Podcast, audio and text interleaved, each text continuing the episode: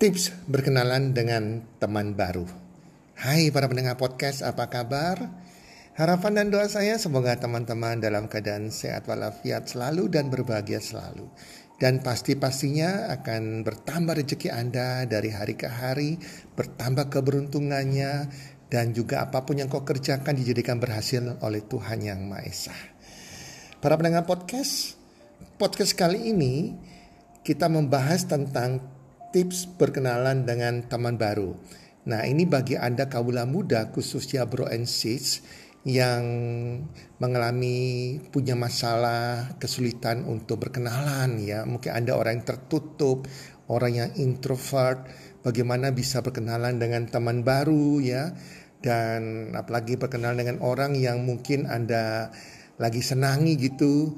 Nah, kali ini Bro Eka kembali mengajarkan kepada Anda bro and sis dan juga bagi Anda yang mungkin sudah bukan bro and sis lagi tapi ini juga berguna bagi Anda semuanya.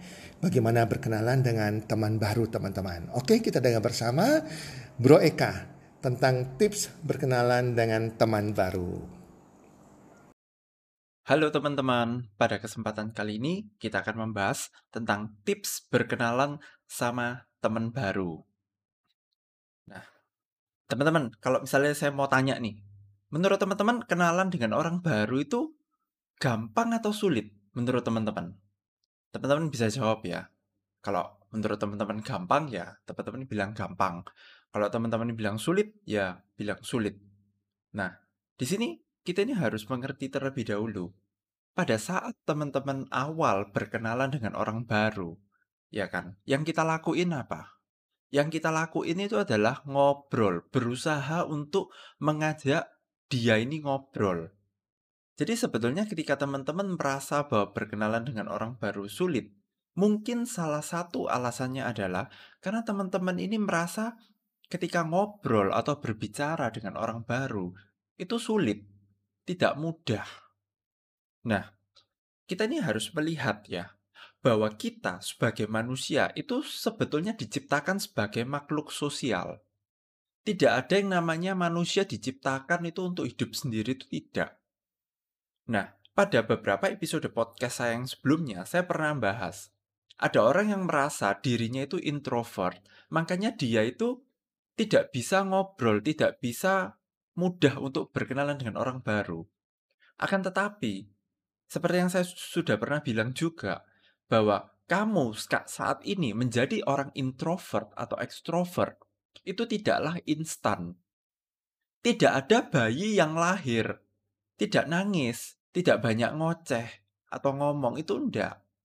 Namanya semua bayi lahir, mereka pasti diciptakan untuk bisa nangis, ya kan? Bisa ngobrol, bisa ngoceh. Kalau anak kecil udah bisa Ngomong, biasanya kan nanya banyak hal ke mama papanya kan. Ya kan sampai mama papanya mungkin sampai capek untuk menjawab gitu ya. Ini anak kok nanya ini, nanya itu dan sebagainya. Jadi setiap orang ketika lahir, ketika mereka masih kecil, itu tidak ada yang diem. Anak yang diem, benar-benar diem. Jadi bayi tidak pernah ngomong apa itu enggak. Jadi ketika Anda hari ini sebagai seorang introvert atau sebagai seorang extrovert, itu karena Anda melatihnya selama bertahun-tahun tanpa Anda sadari. Yang introvert selama bertahun-tahun tanpa dia sadari, dia melatih dirinya untuk menjadi orang yang lebih diam dan menjadi orang introvert. Begitu pula sebaliknya, orang yang menjadi extrovert adalah orang-orang yang dari dulu juga melatih dirinya untuk bersosialisasi, untuk ngomong, karena di dunia ini, ya segala sesuatu itu menurut saya itu tidak tidak ada yang tiba-tiba terjadi begitu aja. Tapi semua itu pasti ada alasannya kenapa kok itu bisa terjadi. Nah, jadi dengan ini saya ingin mindset teman-teman adalah untuk kita itu bisa berkenalan dengan orang baru atau untuk kita ini bisa asik untuk ngobrol. Itu bukan sesuatu yang kayak dilahirkan. Oke, aku memang dilahirkan pendiam. Oke, aku memang dilahirkan rame. Itu tidak. Tapi aku pengen mindsetnya kita hari ini adalah segala sesuatu itu bisa dipelajari. Se kalau kita memang ada niat untuk berubah, untuk belajar sesuatu yang baru, maka saya percaya pasti bisa. Nah, kadang teman-teman mungkin berpikir, perubahan itu harus drastis 180 derajat. Nah, atau perubahan itu harus signifikan. Tapi prinsip saya, teman-teman, adalah perubahan itu yang penting adalah kamu menjadi lebih baik dari dirimu yang kemarin. Jadi ketika kamu kemarin tidak bisa ngomong, itu tidak apa-apa. Tapi pertanyaannya apa? Adalah apakah hari ini dirimu sudah menjadi lebih baik dari yang kemarin? Nah, yang namanya improvement itu saya tidak menilai kayak harus kemarin tidak bisa ngomong, hari ini langsung jadi MC, langsung jago ngomong. Oh, tentu tidak demikian ya. Tapi improvement yang saya inginkan adalah at least kamu satu persen aja lebih baik daripada yang kemarin. Kalau kemarin, ya kan kamu itu orangnya benar-benar introvert, nggak bisa apa, nggak mau ngajak orang ngomong atau apa. Minimal hari ini kamu sudah bisa apa ngajak ngomong misalnya ini contoh nih kamu nggak pernah ngomong sama sekali atau kamu diem terus at least kamu hari ini sudah mulai bisa ngomong misalnya kayak apa ya contoh nih uh, kalau kamu kabarnya gimana kalau misalnya selama ini kita ditanya kita tidak pernah nanya balik misalnya tidak apa-apa improvement itu tidak harus signifikan satu persen aja gitu loh hari demi hari nanti tanpa teman-teman sadari ketika sudah 80 hari, 90 hari, atau 100 hari, orang baru bisa melihat bahwa perubahan itu signifikan. Nah, ketika saya bicara seperti ini, saya pun dulu pada saat saya masih kecil ya, saya ini orangnya juga pendiam loh teman-teman, gitu loh. Mungkin kalau teman-teman sekarang melihat saya bikin podcast, ya kan ngomong di podcast, kelihatannya rame ya. Tapi dulu, dulu saya tuh diem. Saya itu kalau saya itu nggak bisa apa ya kalau diajak ngomong gitu orang yang ngajak ngomong saya itu pasti boring karena saya ini orangnya itu dulu pendiam sekali teman-teman. Tapi saya melatih, melatih diri saya untuk menjadi lebih baik at least satu persen setiap hari. Dan akhirnya sekarang saya bisa menjadi orang yang mungkin kalau orang lihat saya cenderung lebih ke ekstrovert daripada ke introvert. Padahal saya ini orangnya dulunya adalah orang yang introvert. Jadi buat teman-teman tenang aja, Selama kita sama-sama mau belajar, mau berusaha, pasti ada jalan, teman-teman. Nah, sekarang saya ingin membahas beberapa hal.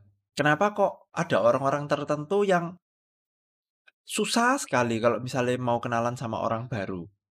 Nah, beberapa di antaranya adalah pertama, karena kamu itu mikirnya itu terlalu jauh. Nah, mikir terlalu jauh ini maksudnya kayak gimana sih? Jadi gini, ketika lu kenalan sama misalnya cowok nih mau kenalan sama cewek ya. Baru mau kenalan ya, kenalan aja belum.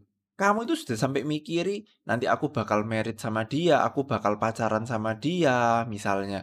Nanti dia bakal jadi mama buat anak-anakku, nanti aku akan membangun masa depan sama dia. Nah, hal-hal yang kalian mikir terlalu jauh ini, itu membuat kalian ketika mau melangkah, yang harusnya simple satu langkah pertama, kayak baby step, itu malah jadi sesuatu yang ribet. Mau ngechat dia mikirnya satu minggu, satu bulan, tiga bulan belum dichat-chat. Karena takut, aduh nanti kalau misalnya saya chat dia terus ternyata chatku garing, nanti dia malah menjauh dan sebagainya.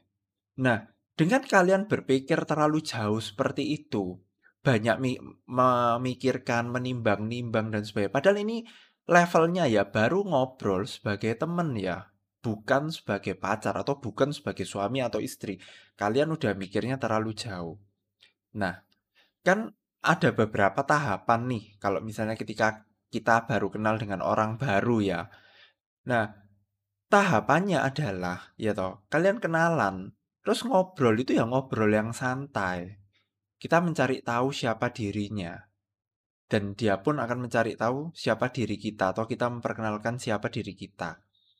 Setelah memang dirasa memang oke, okay, baru kalian ngobrol yang lebih dalam, lebih seru, lebih personal, lebih private gitu loh. Nah, pertanyaannya adalah kalian ini sudah bisa membangun komunikasi yang baik belum? Lah kalau misalnya komunikasi yang baik aja belum terbangun, kalian langsung pengennya ngedit melulu, pengen pergi berdua melulu. Padahal hubungan untuk ngobrol aja, ketemu yang nyaman, tingkat kenyamanannya aja belum terjadi gimana mau mau ngedit kayak gitu loh. Kayak ibaratnya lompat kelas, kamu tuh baru kelas 1, kamu sudah minta pelajaran kelas 6. Tentu itu hal itu akan menjadi berat. Ya kan? Habis ngedit kencan jadian baru kalian ngomongin hal-hal yang yang intim, yang tentang masa depan, nanti planning ke depannya gimana itu baru dibahas setelah itu. Tapi pada saat kamu masih tahap awal pengenalan dan sebagainya, yang perlu kamu bangun adalah kenyamanan dulu. Nah, saya selalu punya prinsip itu kayak gini. Pertanyaan saya adalah, ketika orang itu setelah pergi dengan saya atau ngobrol dengan saya, apa yang mereka rasain? Mereka semakin bersemangat dalam hidup, merasa bahwa ada aura positif, atau malah sebaliknya, setelah ngomong sama saya atau pergi sama saya, justru malah jadi capek, jadi burnout. Itu yang selalu menjadi pertanyaan buat saya pribadi ya, gitu loh. Karena tidak ada orang yang suka ketika mereka ngobrol atau ketemu atau apa pun itu dengan orang yang membawa hawa negatif, membawa sesuatu yang istilahnya wah aku tiap kali habis ketemu dia ngobrol sama dia aku tuh merasa jadi capek, bukan tambah semangat, tambah encourage. Nah, jadi kita perlu ingat ya para bro atau sister di sini ya uh, kita itu ketika dalam membangun hubungan ya atau ketika awal kita ngobrol kenalan dengan orang baru, yang perlu kalian pikirkan adalah membangun kedekatan itu dulu. Ngobrol santai dulu, sesuatu yang fun, membangun kenyamanan dulu. Udahlah, ndak usah terlalu banyak mikiri nanti aku bakal merit sama dia atau enggak. Ya kan nanti dia aku bakal mau punya anak sama dia atau enggak itu itu kayaknya kok terlalu jauh ya kalau untuk di awal-awal gitu loh. Karena kalian mikirnya terlalu jauh akhirnya untuk mulai melangkah cuma pengen kenalan biasa pun akhirnya jadi berat. Waduh nanti kalau ditolak gimana? Itu yang pertama ya. Jadi lu mikirnya itu jauh banget gitu. Yang kedua adalah takut dinilai negatif oleh orang lain. Nah, ini sering kali aku juga temuin gitu loh di dalam apa ya, di dalam beberapa teman-temanku juga gitu loh. "Oh, cie cie kamu kenalan sama si siapa, Ani misalnya. Eh, kamu kok ditolak terus sih sama cewek?" Misalnya. Atau apa pun lah kalau misalnya kamu mau deketi Ani misalnya. "Aduh, nanti aku dinilai orang kok playboy ya, kok kemarin habis deketi deketi siapa, misalnya deketi Ani, hari ini kok aku mau deketi Susi misalnya." Itu Ketakutan-ketakutan akan penilaian orang lain ini membuat baik cowok atau cewek itu akhirnya jadi terhambat untuk kenalan dengan orang-orang baru. Padahal yang saya tahu ya, yang saya tahu ya teman-teman ya, kalau misalnya orang itu hanya peduli akan dirinya sendiri, bukan peduli sama lo. Loh, kenapa saya bilang gini? Karena kadang orang itu memang gampang untuk mengomentari sesuatu, mengkritik sesuatu. Tapi tetap itu hanya sekedar omongan pada saat itu. Setelah mereka pulang ya mereka mikiri hidupnya sendiri, dirinya sendiri. Kayak gitu loh teman-teman. Jadi please jangan takut dinilai orang gitu loh. Karena kan kita ini kan kenalan ya, mau kenalan untuk mengenal dia lebih lanjut dan sebagainya kan tujuannya baik. Kita ini bukan mau merugikan dia, ya kan? Kita ini bukan mau mencurangi dia, kita ini bukan bukan selingkuh ya. Kita ini single, memang mau mau mingle, mau kenalan gitu loh. Jadi jangan takut kalau misalnya apa image-nya di orang lain itu seperti apa atau ketika cewek nih diajak diajak ngedit sama cowok gitu ya. Kan ada tuh yang mikirnya aduh, ya apa ya nanti kalau misalnya waktu ngedit nanti ketemu teman-teman sekelasku terus ternyata atau orang yang aku kenal terus ternyata nggak jadi kan malu dan sebagainya. Ya, come on man, kayak apa ya? Ketika kita ngedit, mau kenalan dan sebagainya. Kalau misalnya kamu hanya mengandalkan pada saat kumpul-kumpul rame-rame ya kapan kamu itu bisa ke tahap selanjutnya? Itu pertanyaannya. Dan kalian mesti selalu ingat ketika kalian takut dinilai oleh orang lain ya kan? Kalian mesti selalu ingat orang lain itu mikirin itu ya mikirin dirinya sendiri kok.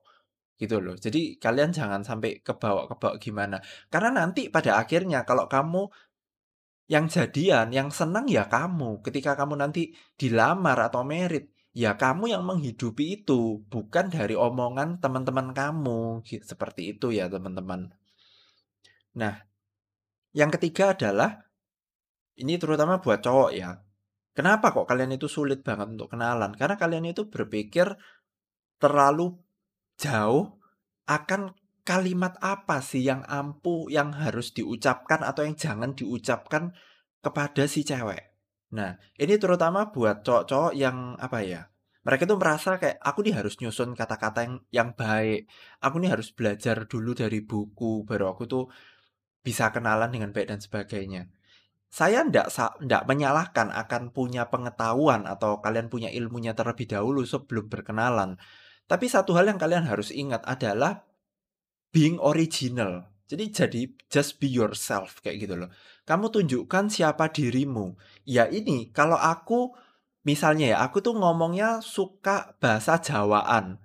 Misalnya orang Surabaya bilangnya medok. Ngomongnya medok misalnya.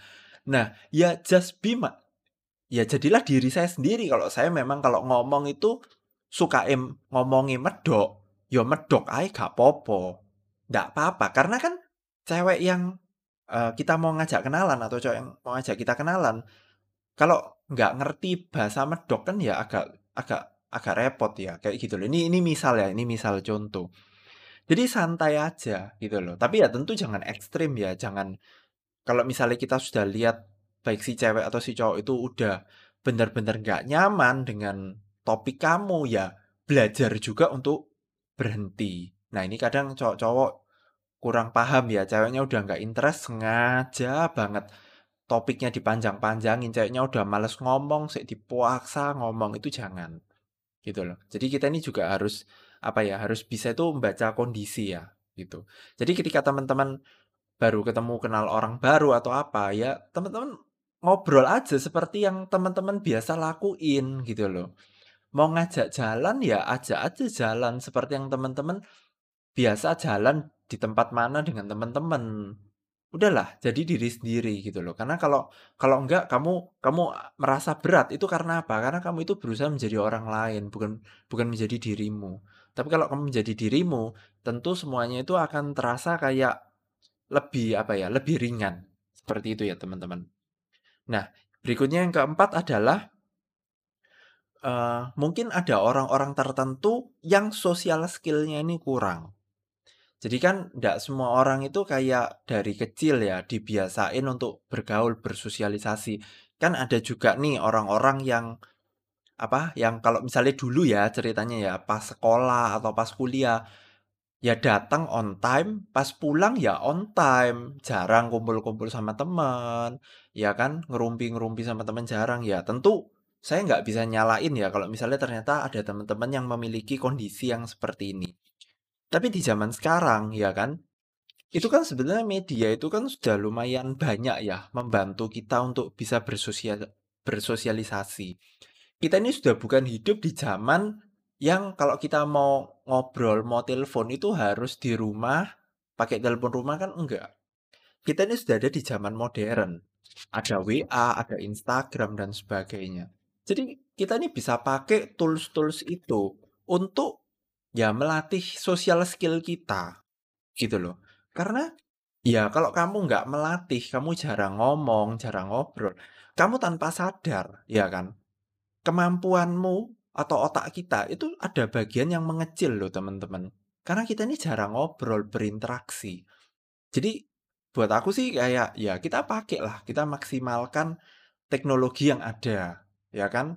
Misalnya kita jarang ngobrol pun atau misalnya kita jarang ditelepon atau teman-teman ngomong, kita bisa pakai kayak contoh misalnya kita bisa kayak dengerin kayak seminar-seminar tertentu dari Zoom atau dari YouTube ya kan, dengerin podcast kayak gini itu juga me membantu teman-teman untuk meningkatkan sosial skill teman-teman. Karena apa yang kita bisa omongin sekarang ini, kata-kata yang kita keluarkan sekarang, itu karena kita itu pernah dengar sebelumnya. Oh, aku pernah belajar tentang hal ini dari teman saya misalnya. Ya itu yang saya bisa omongkan. Karena kita nggak mungkin bisa ngobrolin sesuatu yang kita sendiri nggak mendapatkan, kita nggak pernah dengar sebelumnya, atau kita nggak pernah pelajari sebelumnya. Seperti itu. Nah, ini juga ada poin penting lagi ya teman-teman ya untuk membuat kayak ngobrolan itu bisa menjadi lebih lebih enak lah, lebih kondusif gitu. Nah, beberapa tips untuk membuat apa ya? uh, teman-teman ngobrol atau kumpul-kumpul atau ngeditnya ini lebih kondusif adalah pertama ini masalah lokasi ya teman-teman. Jadi kalau ketika teman-teman ngajak kenalan orang baru nih misalnya, entah cewek atau cowok, ya kalau bisa ya ketemuannya ya di tempat-tempat yang sudah umum. Tempat-tempat yang yang sudah apa ya? Katakan misalnya di kafe tertentu, ya kan? Atau di tempat wisata tertentu. Jangan kayak di tempat-tempat yang nggak jelas. Karena ini kan memberikan rasa aman ya. Ibaratnya aku belum terlalu kenal kamu, kamu belum terlalu kenal aku. Kalau ngajaknya di tempat-tempat yang serem-serem kan mengerikan ya. Kayak ini mau apa kayak gitu loh. Jadi ya tempat-tempat yang general yang memang di kota itu kalian itu sudah cukup kenal dan tahu. Nah, kedua untuk masalah fashion ya. Untuk untuk masalah baju ya toh, sebaiknya itu untuk awal-awal kalian itu pakailah baju-baju dengan warna-warna cerah, warna-warna terang. Kenapa? Karena ketika kita menggunakan baju-baju dengan warna-warna yang cerah terang ini, itu tanpa sadar otak kita itu akan berpikir bahwa orang ini itu ramah. Nah, kalau pakai bajunya hitam atau warna gelap, itu kan kesannya kayak waduh, ini jangan-jangan penjahat ini. Atau apa? atau suasana duka, sedih atau gimana. Jadi pakailah baju-baju yang warnanya terang. Nah, yang kedua adalah untuk penampilan ya, terutama ini penting ya buat cowok dan cewek. Ya kalian please jangan sampai bau badan ya teman-teman ya, karena kan ini ini penting banget gitu loh. Apalagi ini kita perginya bukan habis olahraga ya, tapi ini kita perginya kan memang khusus untuk hangout gitu loh. Karena kalau dari apa ya, baik cowok atau cewek itu kan kita kan indera, kita kan bisa melihat, mencium dan merasa. Lah kalau dari awal aja kesannya, waduh ini kok bau ya. Karena saya sendiri juga ada pengalaman dulu. Ya kan, misalnya kenalan, ini temen ya, bukan gebetan ya. Wah, pertama kali kenalan, wih, baunya itu luar biasa ya teman-teman ya. Ya, saya tidak bilang bau dalam arti bau karena dia nggak mandi bukan, tapi dia baunya itu karena pakai parfumnya ini kayaknya nih terlalu over gitu loh. Wah, baunya itu gila gak kuat itu. Saya ingat banget waktu dulu uh, pernah semobil sama dia juga, itu baunya itu bisa tahan satu minggu. Nah, kayak gitu. Tapi ya baunya saya nggak suka gitu loh. Jadi pada akhirnya saya pun juga nggak suka gitu loh. Nah, yang yang berikutnya ya, yang ketiga ya, ini tipsnya ya untuk menciptakan uh, dating atau hangout yang menyenangkan ya, itu Anda harus menciptakan keakraban atau kehangatan pada saat kita ngobrol ya kan, pada saat kita ketemu ya kan. Nah, kehangatan ini gimana bisa terbentuknya? Ya kita ini harus menghargai. Jadi kalau misalnya misalnya nih lagi ngedit nih, cewek buat cewek-cewek maupun cowok-cowok ya please kalian itu jangan main HP, kalian itu jangan Jangan pas diajak ngobrol tangannya HP-an terus kayak ndak bisa lepas gitu. Itu kesannya itu ndak menghargai loh. Kesannya itu kayak waduh orang di depanku ini kayak wes gak dianggap gitu loh. Kalau misalnya kita itu telepon, kalian sambil HP-an, sambil laptopan itu ndak apa-apa. Karena kan kalau telepon kan kita yang penting dengar suara kamu udah. Tapi kalau pas ketemuan kamu HP-an, wah itu kalau buat saya pribadi ya, kalau saya dalam situasi seperti itu, saya merasa saya nggak dihargai. Karena ketika saya setiap kali kumpul atau ketemu, saya itu termasuk orang yang paling jarang megang HP.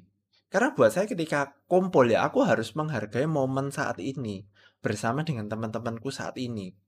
Bukan menyibukkan teman-temanku yang ada di HP. Ya kan? Nah, kedua, kalian itu jangan kelihatan kayak ogah-ogahan. Gitu loh. Mungkin memang betul si cowok atau si cewek ini memang setelah kita ngobrol satu jam ini bukan tipeku misalnya. Yes, saya mengerti dan merasakan apa yang teman-teman pernah rasain. Tapi please kalian itu hargai minimal sampai hari itu sudah pulang. Ya toh kalian being nice.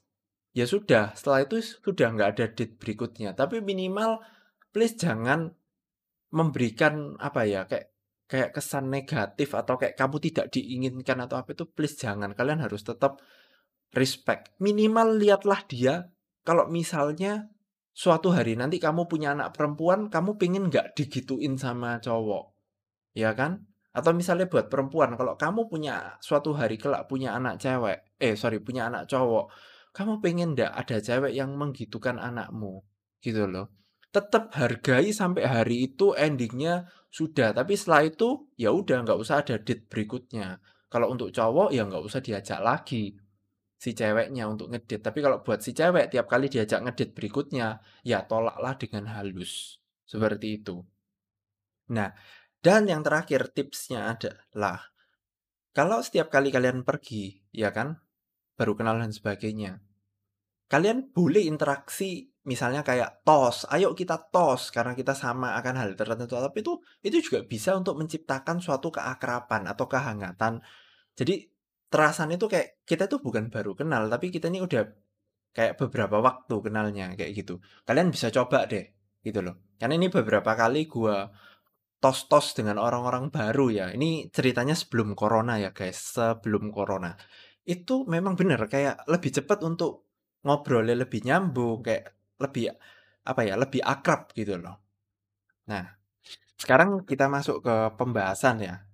Tips gimana kita itu bisa kenalan dengan lebih mudah, ya toh.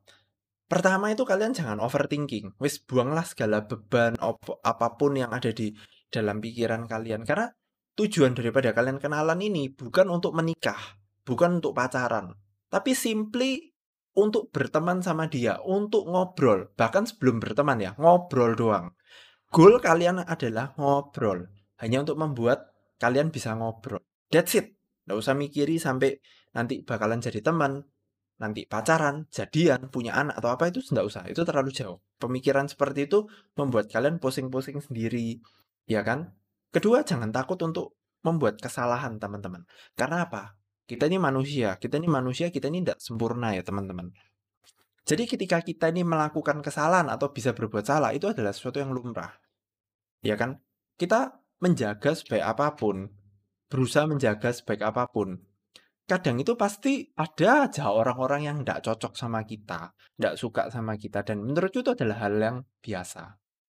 Nah, berikutnya ketiga adalah anda ini memberikan pancingan obrolan. Jadi kadang itu kan apalagi kayak cowok atau cewek ya, kadang itu kalau kalian sudah ngobrol, kalian itu bisa ngobrol sampai satu jam eh, tanpa memberikan kesempatan lawan bicara untuk ngobrol. Pernah nggak seperti itu?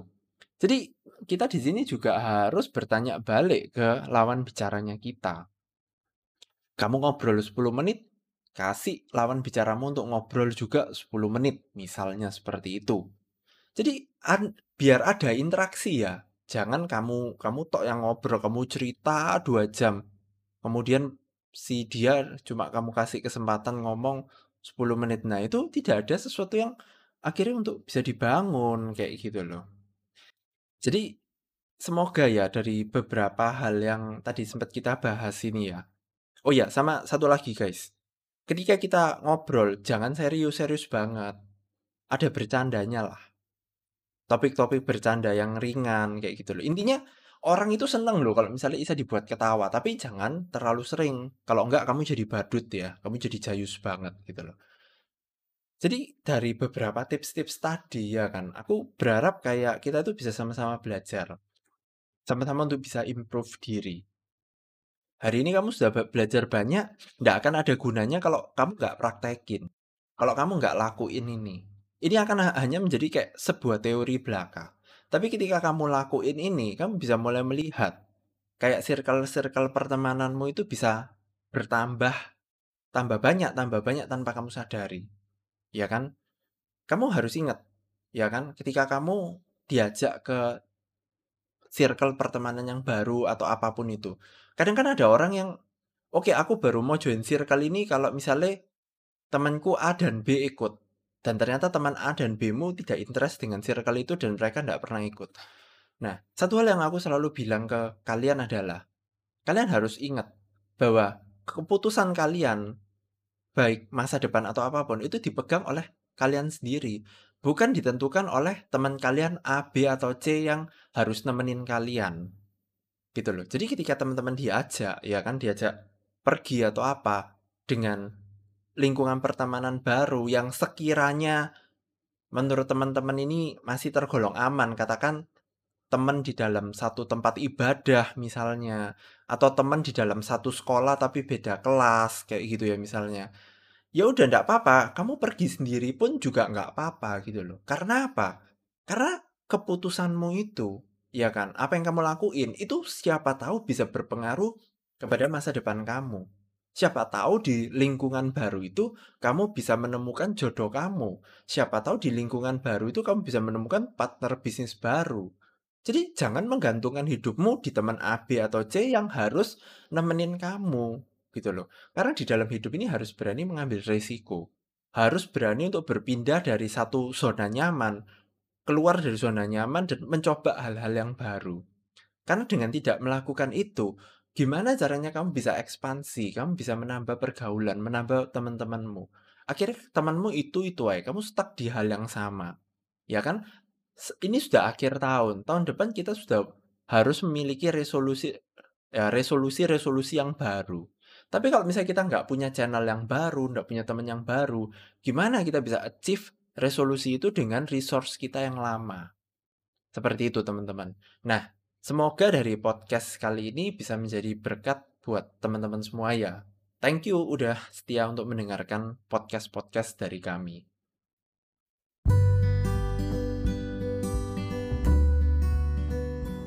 Terima kasih sudah mendengarkan podcast kami. Teman, jika Anda rasa bermanfaat podcast kami ini, Anda bisa menginfokan kepada rekan kerja Anda, keluarga Anda, teman ataupun sahabat Anda dan jika ada hal-hal yang Anda ingin tanyakan kepada kami ataupun topik-topik apa yang Anda ingin kami bawakan, kami sampaikan, Anda bisa DM kami di Instagram kami healthcommunity.id. Salam one two three, salam sehat, sejahtera dan bahagia.